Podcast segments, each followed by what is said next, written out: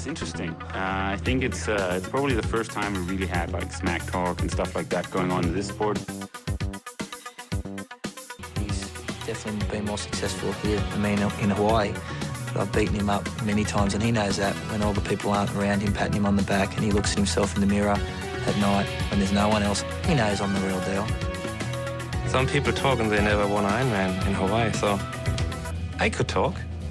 I won twice. When you're smiling, when you're smiling, when you're smiling, when you're smiling, and the whole world smiles with you. And when you're laughing, when you're laughing, oh, you're laughing, oh, you're laughing.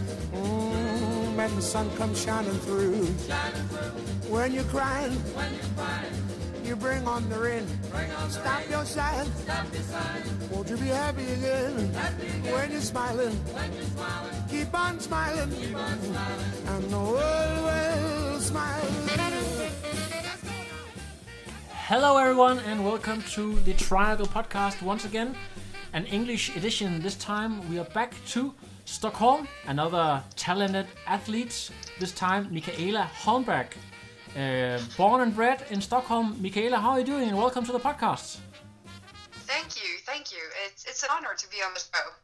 One could think that uh, I'm only uh, interviewing Swedish blonde girls, but it's uh, it's actually also because you are you are you're shown to be very talented, uh, Michaela. You had a really great uh, 2018, which was more or less um, your first real season with triathlon, isn't that right? Yes, that's right, exactly. Uh, my first real one. I I um, I had a small local race as well, or not not super small, but I attended a, a race in 2017 as well, uh, half Ironman distance in uh, Onsbro, but that was as uh, an unlicensed uh, amateur. So my first real season was last year. Yes. Yeah, and we are going to talk a lot more about that season. But uh, first, let's let's talk about the situation in Stockholm right now. It's not the most fun moment to be a triathlete because uh, I hear you've got a lot of snow. Uh, we actually had lovely winter weather just a week ago, but now it's more of a, a brown and slippery slush. Yeah. So um, yes, training conditions could be a lot more inspiring. Yeah. So what do you do? Because I know you are in heavy training already because you are heading towards Ironman Lanzarote, which is already in uh, the end of May. So you must be in heavy training right now. Yes, that's right. Um, that's my first A race of the season. Uh, so it's about 15 weeks to go. So um, short enough to feel the pressure, but still too early to become really nervous. Yeah.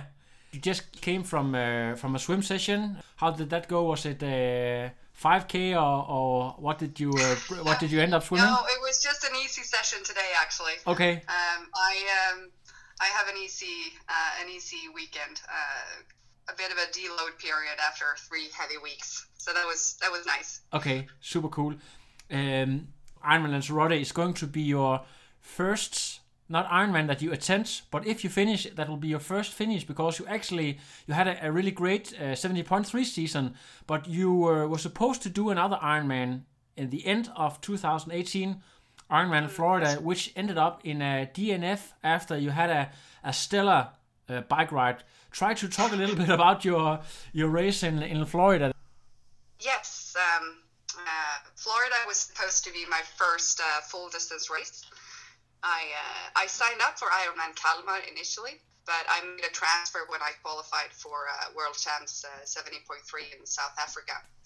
Uh, so hence Florida, and I was I was super excited because I prepared mentally for the distance in one and a half year, and training had felt really good. Uh, well, the race was moved from Panama City Beach to to Haines City due to um, Hurricane Michael, so I was also just very happy to get the opportunity to race. Uh, Michaela, can I just uh, interrupt you a little bit?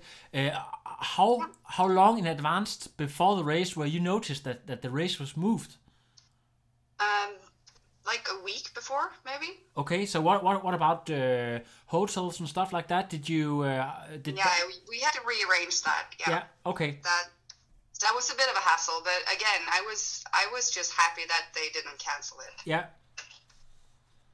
but the the swim went okay. Um, the course was the course was tricky. We had to swim two loops in like an M shape in a tiny lake, So it was really crowded and and uh, hard to navigate. But I, I stuck to the plan of taking it easy and basically just getting through it. And uh, well, I had an average swim. I couldn't expect more given the conditions. Yeah, end up swimming Yeah. in a one one fourteen, I believe. Yeah, exactly. Yeah. Exactly.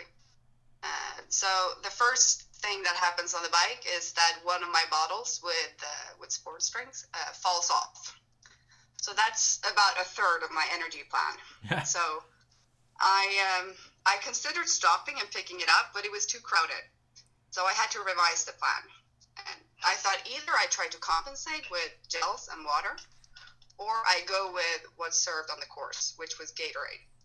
And since I didn't want to risk any uh, gastric distress, I choose to go with water and gels. Um, and I also choose to be more conservative uh, in my race plan because it was it was super hot and super humid. So I knew that that would lower overall performance Yeah. as well. So I I choose to go 10, 15 watts lower than my intended intensity. But I I felt strong um, during the entire uh, entire bike leg. But coming into T2, I started to feel a bit a bit dizzy, uh, and um, and you could it, it was just it was just super hot and humid. It, there was the weather was strange. It was a thunderstorm coming up, so so you could see the spectators. They were barely holding up in the shade, so it was pretty awful to be racing.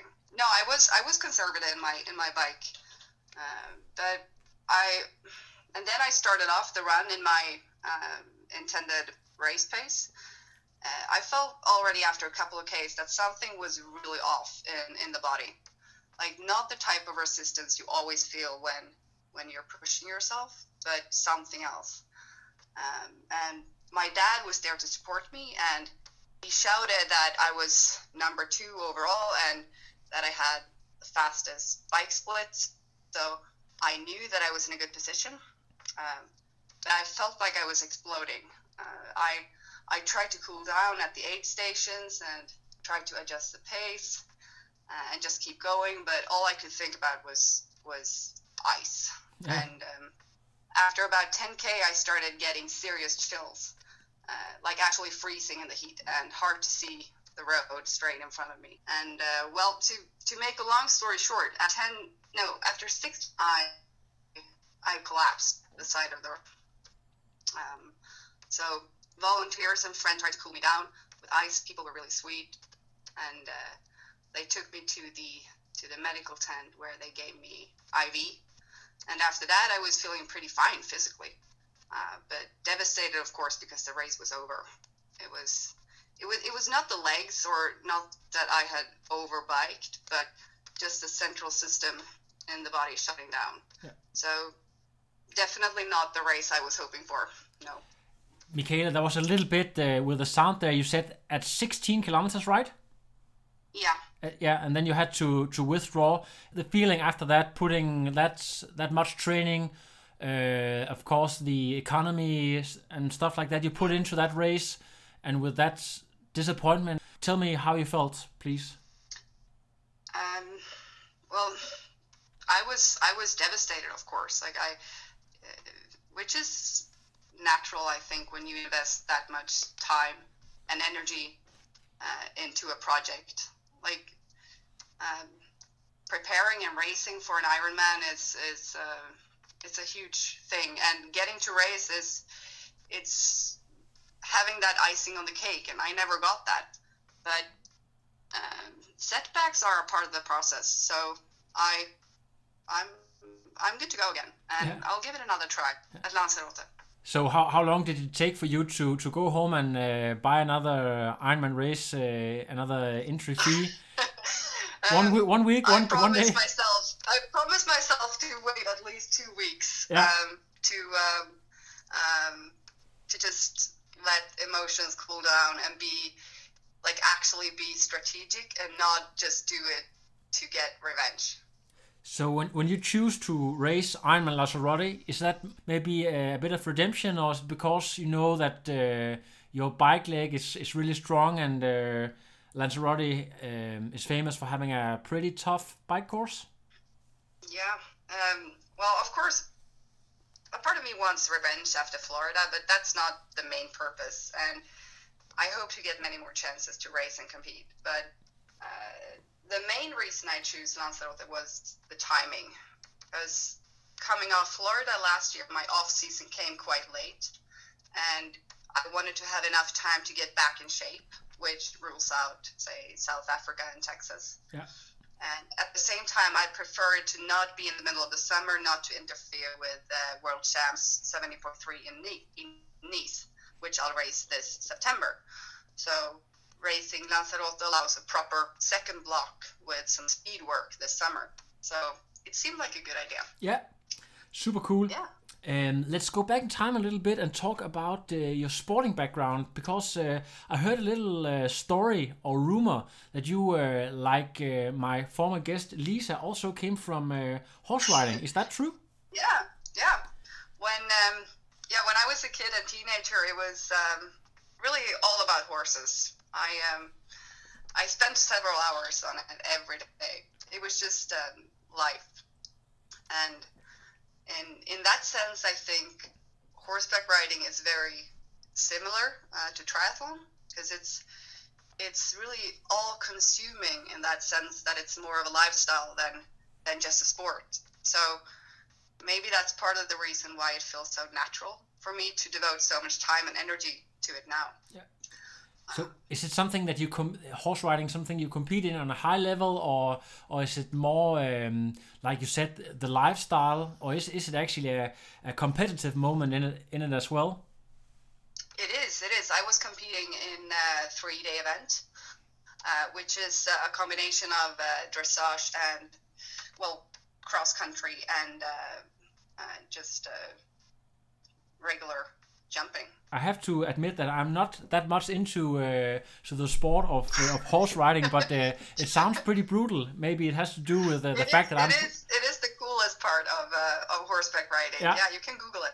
Yeah, I have. Forget To, it. I have to do that, but uh, I think it's a bit a bit uh, intimidating as well. Thinking about uh, one small person on the top of a very big animal uh, with a lot of Yeah, uh, yeah. of power and how to control that animal and stuff like that.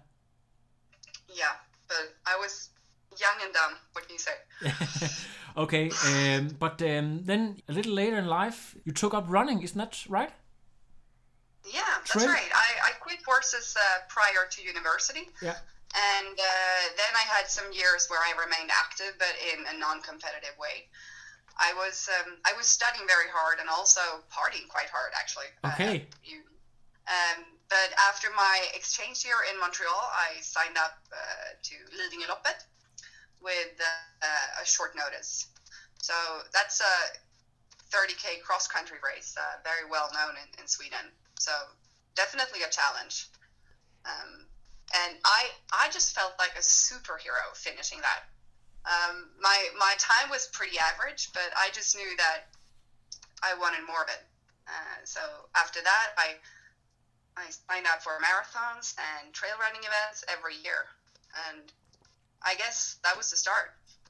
So you have been doing that for for maybe four or five years prior to uh, triathlon.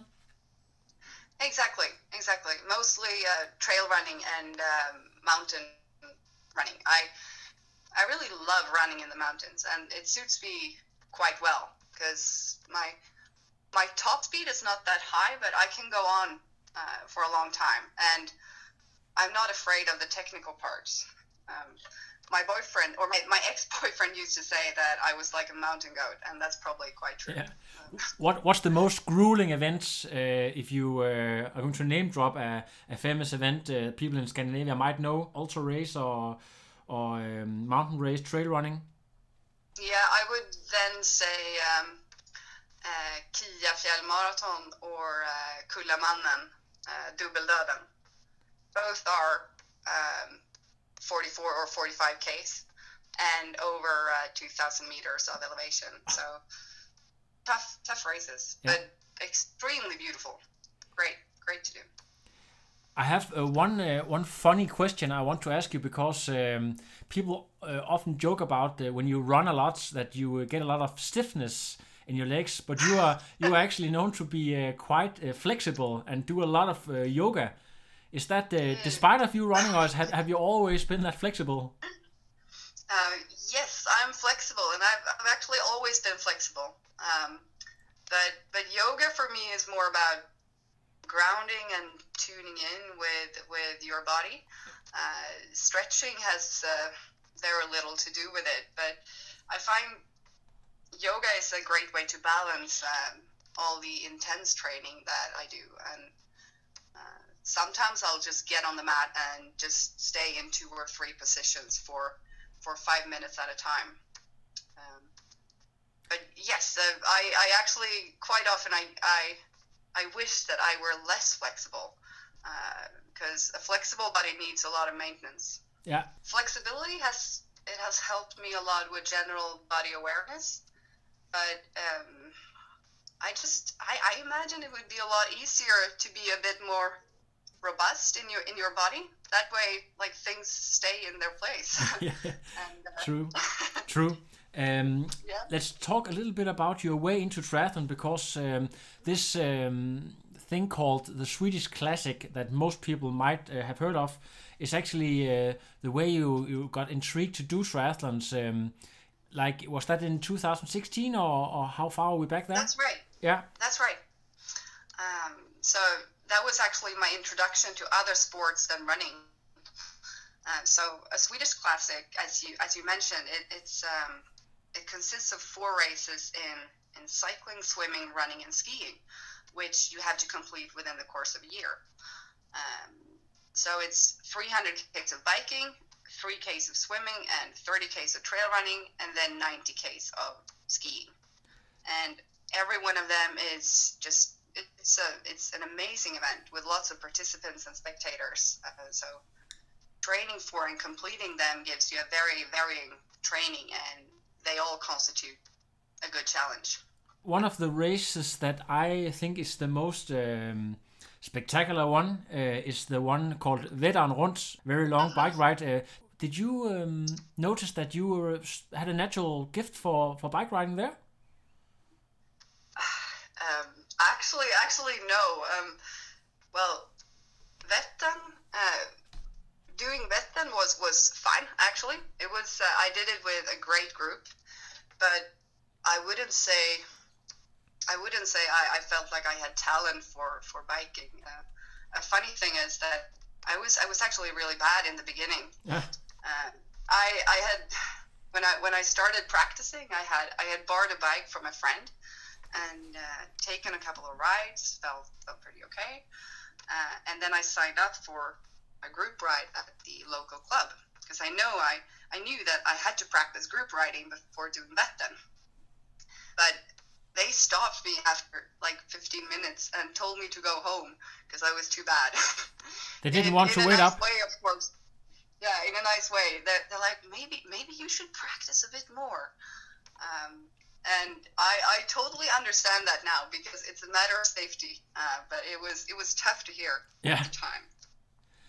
So, uh, but But yes, I've always I've always been strong. So it was more about like bike handling skills. yeah, okay. So, uh, so power was in place, but technical uh, skills not so much. Exactly. Exactly. Super cool.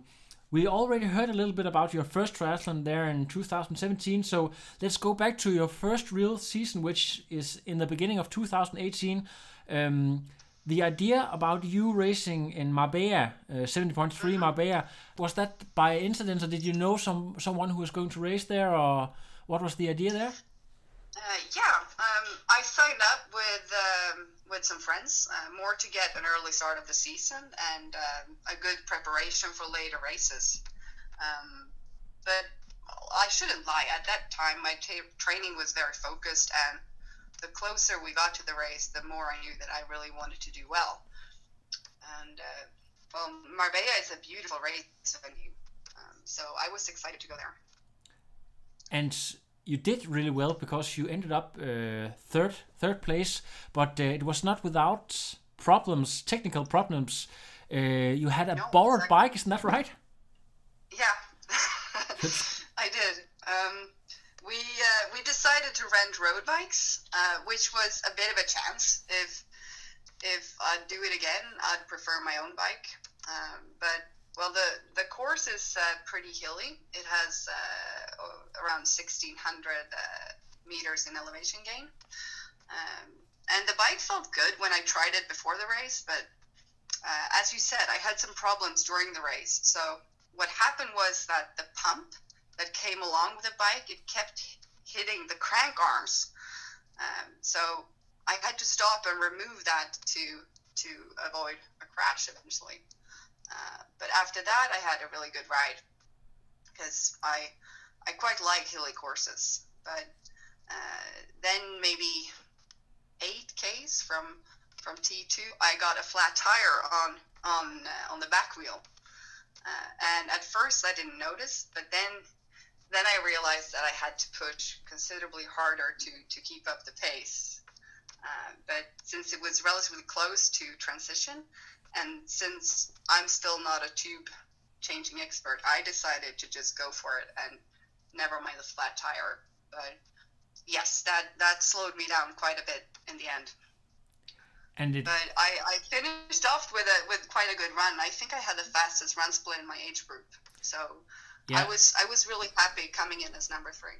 and not to not to forget the second fastest bike split, despite a uh, flat. well, the flat was only for the last 8K. Yeah, yeah, still. But I know uh, the girl who uh, who won your age group is also known as Bæren fra Hørby, who uh, is a really uh, notorious uh, bike rider here from Denmark. So uh, so Yeah, Anna Eriksson, right? yeah, exactly. Yeah, I won't forget her. Yeah, she's she's, uh, she's an animal on the bike, uh, but you can maybe you'll have some battles with her in the future. I do hope so. Yeah. Definitely. Yeah, cool. Um, and then later in the season, uh, a little more local race. I don't know, Jönköping. Do you consider that local when you're from Stockholm? Uh, yes, it's um, maybe local, but it's still an international competition. Yeah. Um, Talk a little bit about that race because that went down really well as well. It did. It did. Um, I um, I was not happy about the swim. Uh, I know it's not my strongest leg, but so far I've I've swam worse during races than during training. Um, so I think that navigation and race nerves might have something to do with it. But uh, the bike was great. I felt super strong, and um, I was really happy to know this that my time was fastest female age grouper, and I, that I also beat some of the pros. Uh, so coming in as second in my age group, I managed to qualify for World Champs uh, in Nice for 2019. So that felt amazing, of course. Did people around you start to notice uh, what happened with you from your start of, of the season to Jönköping? Because it seems like you you had a, a rocket like um, development in skills and, and mindset as well. Um, well, yeah, maybe, maybe um, uh, starting to notice. Yeah, it, it's. Uh, I've had I had a good season. Yeah. And um, when you qualified for the World Championship, was that something you had expected? Uh, maybe in the back of your head, well, maybe there's opportunity there, uh, or, or did that came totally by surprise that you qualified for World Championships? Um, no, not a total uh, surprise. Um, uh, but I did. I definitely didn't expect it or take it for granted. But when when you train, uh, you you know the range where your potential is, and you know like somewhat what you're aiming for in terms of times. And I knew that if I would pull together a race uh, of that type, I would probably qualify. Yeah. So, um, in that sense, it was not not uh, a huge surprise, but you can never know. At that time, did you work with a coach or just uh, people around you in a club who who uh, maybe you could could spar with and tell you, okay, uh, what you're doing, um, or, or did you manage your training more or less yourself? Um, Um, I've always done the uh, majority of my training myself, but um, I I I was in touch with uh, the coach that I have now, and he Yeah. helped me with with uh, my training program, but in in a less formal way. Um, like the, the coaching relationship that we have now started more, uh, I would say, last fall. Yeah. Um, but yes, I had he was helping me at the time as well. Um, from maybe maybe uh, March last year. Yeah. Let's talk a little bit more about um, Ironman World Championships in South Africa, 70.3 World Championship that is. Um, maybe that will go down in history um, uh, for the pro race as one of the greatest races of all time. Have you seen that afterwards? Yeah. I did, I did, and I was watching the men's race uh, live. It was uh, it was amazing. Port Elizabeth is uh, such a lovely city. They they they call it the world's friendliest city, and that really is is true. I would say I I've never met so many nice and helpful people. Um, and as you say, I was really grateful just being able to qualify and race there in my first real season. Um, even though I race wise I didn't have my my best day, it was it was um, it was not bad, but I had my goals set higher. Uh, so I had a minor crash on the bike in the beginning. So I broke the um, derailleur hanger, uh, which meant that I had to do the entire bike ride on high gear, like with too low cadence. Oh. Uh, so coming into the run, my legs were pretty smashed. So do you, do you feel that maybe if everything uh, had went smooth and, and to plan, which they never always do completely, but uh, do you feel No, that, that maybe you, you had a, a chance to uh, to go top ten uh, another time? Uh, what, what do you think there? Because you ended up 14th, I should say. Yeah, I finished uh, 14th place in my age group, but it, again, that's not bad. But hopefully, I'll improve that a lot in Nice this year. Yeah. Uh, top 10 definitely, but I always aim for for podium. I was going to say so. Yeah. I Did you were you a bit surprised about the the quality? Of course, Jönköping is a quality field as well. We mu- must not forget that. But uh, but to a world championship, were you su- surprised of the age group level? no, I wasn't surprised, and I didn't expect podium this year. Okay. Um, and I I uh, I don't expect it uh, in Nice uh, either. But I I have high goals, so um, I'm no, it's not a surprise. Of course, it's World Championships. It should be high. Yeah. Let's talk a little bit uh, more about your your daily training now. Terrible Tuesday is uh, one of the clubs that um I've interviewed a lot of athletes who train there, and I Yeah, heard I that you know, I know. yeah that you that you also uh, started in this club. Talk a little bit about your your daily training routine and uh, and maybe how you use the club. Uh, do you train a lot yourself, or use that for extra hard session training with the club, or how do you do things? Well, um, balancing training and work is a challenge because there's not really room for much else. I uh, I get up early, I do the first workout, and then I get to work, and then I do my second workout, and then sometimes I have to continue working after that, but usually not. So the hardest thing is is never to get the training done. I would say it's it's to not compromise on the recovery. I'm always considering all aspects that can optimize my performance, like getting enough sleep, what to eat, when to eat, staying healthy and injury free. And I would say that's the real challenge. When you, Um, when you tell me this, I believe you are sort of a high mileage girl. You believe in uh, in, in quite high volume in your training. Um, yeah, I would. Well, anything is. Uh, depends on the perspective. Like right, right now, I'm doing maybe um, 15 or 18 hours per week during hard weeks. Uh, easy weeks a lot less. Um, so, but but volume is higher uh, during different phases. So, uh, I know that to most people that's that's uh, that's a lot, but you have to get the hours in. I was gonna, I would say. Yeah. So when you use the club, that's maybe mostly uh, track sessions, or, or use the in swimming. That's what most people do. Will prefer to to swim with a, a masters group or with a local triathlon club. Yeah.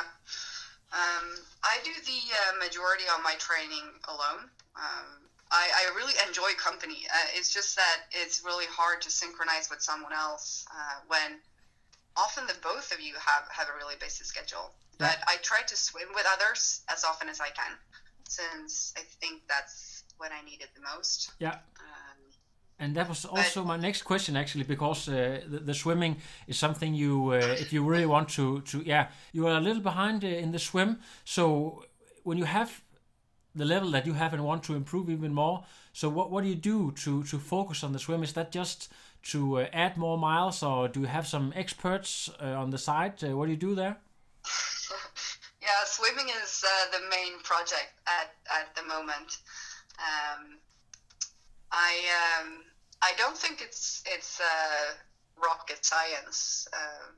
There's no substitute for hard work here. It's not about finding the magical tip that will suddenly make me fast.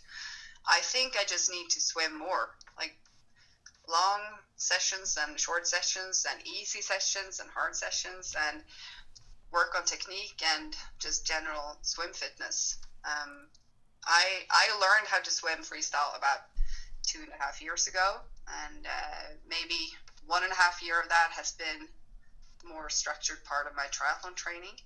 But it's only only the past couple of months that my swim training has been really dedicated. Uh, so it seems to have paid off a bit so far, but of course you you always want faster results. Uh, but I'm still far away from where I want to be swimming wise. But my coach and I have a plan, and um, I'm working very hard on that. It sounds super cool. Uh, is it? By the way, isn't that true that uh, you have a brother who used to be a competitive swimmer? yes. Um, well, um, Emil is not my biological brother. Okay. Uh, so that might explain why the swimming genes haven't kicked in. Okay. Yeah. Um, he's uh, I usually I call him my my bones brother. yeah. Uh, his mom and my dad are uh, living together. Okay. So he uh, he can't uh, teach you a thing or two about uh, how to, uh, to to to nail that. Yeah, yeah, we've had some sessions together, Yeah. uh, and he's been giving me uh, giving me some tips, but not in a long time now. Okay. Uh, but again, I don't think I don't think it's um, it's only about getting like the tip. I I need uh, structured coaching and just hours in the pool. Yeah. I think. For sure. I know that uh, we, t- we talked a little bit about work, but uh, you are actually um, you are working on a PhD, which you are on the break from right now. Uh, the situation Yeah. about your your PhD project and work. Maybe uh, explain that a little bit so, so- people can understand what uh, what you do for a living. Actually, Yeah. Um, my decision to take a break from the PhD was mainly because I wanted to do some applied work. I've been spending a lot of time at university, and I needed a change of environment. So now I'm uh, I'm working as a macroeconomist at the Finansinspektionen, which is uh, Sweden uh, Financial Supervisory Authority. So I get the chance to work uh, hands on with questions that are closely related to my research fields of interest. so this break from the PhD does that leave more or less time for training? I would say um, um, maybe the same amount of training, but it's less flexible than being at the university. Um, I have to fit in the hours before or after work. Before I could maybe maybe uh, take a longer lunch or um, be a little bit more more flexible. But the PhD program is is really tough. Like it's not it's not something you uh, do with your left hand. No, that's for sure. Um, do you when you when you uh, take a decision like that to change up? Uh, I don't know if I have to be honest with you. I don't know if this uh, make, making this uh, break from a PhD have anything to do with triathlon. But when you when you begin to make decisions about work life um, and triathlon, one might also think that uh, you are taking triathlon very seriously and maybe will consider to go pro at a, at one time or another. Have have that ever popped into your head to to consider going pro at some some point? um, I would say if uh, if I start to produce results that would justify a pro license, I will get one for sure. Uh, so far, I don't think I've done that. Uh, my main focus now is to get as good as possible, and we'll see how far that goes. Super cool.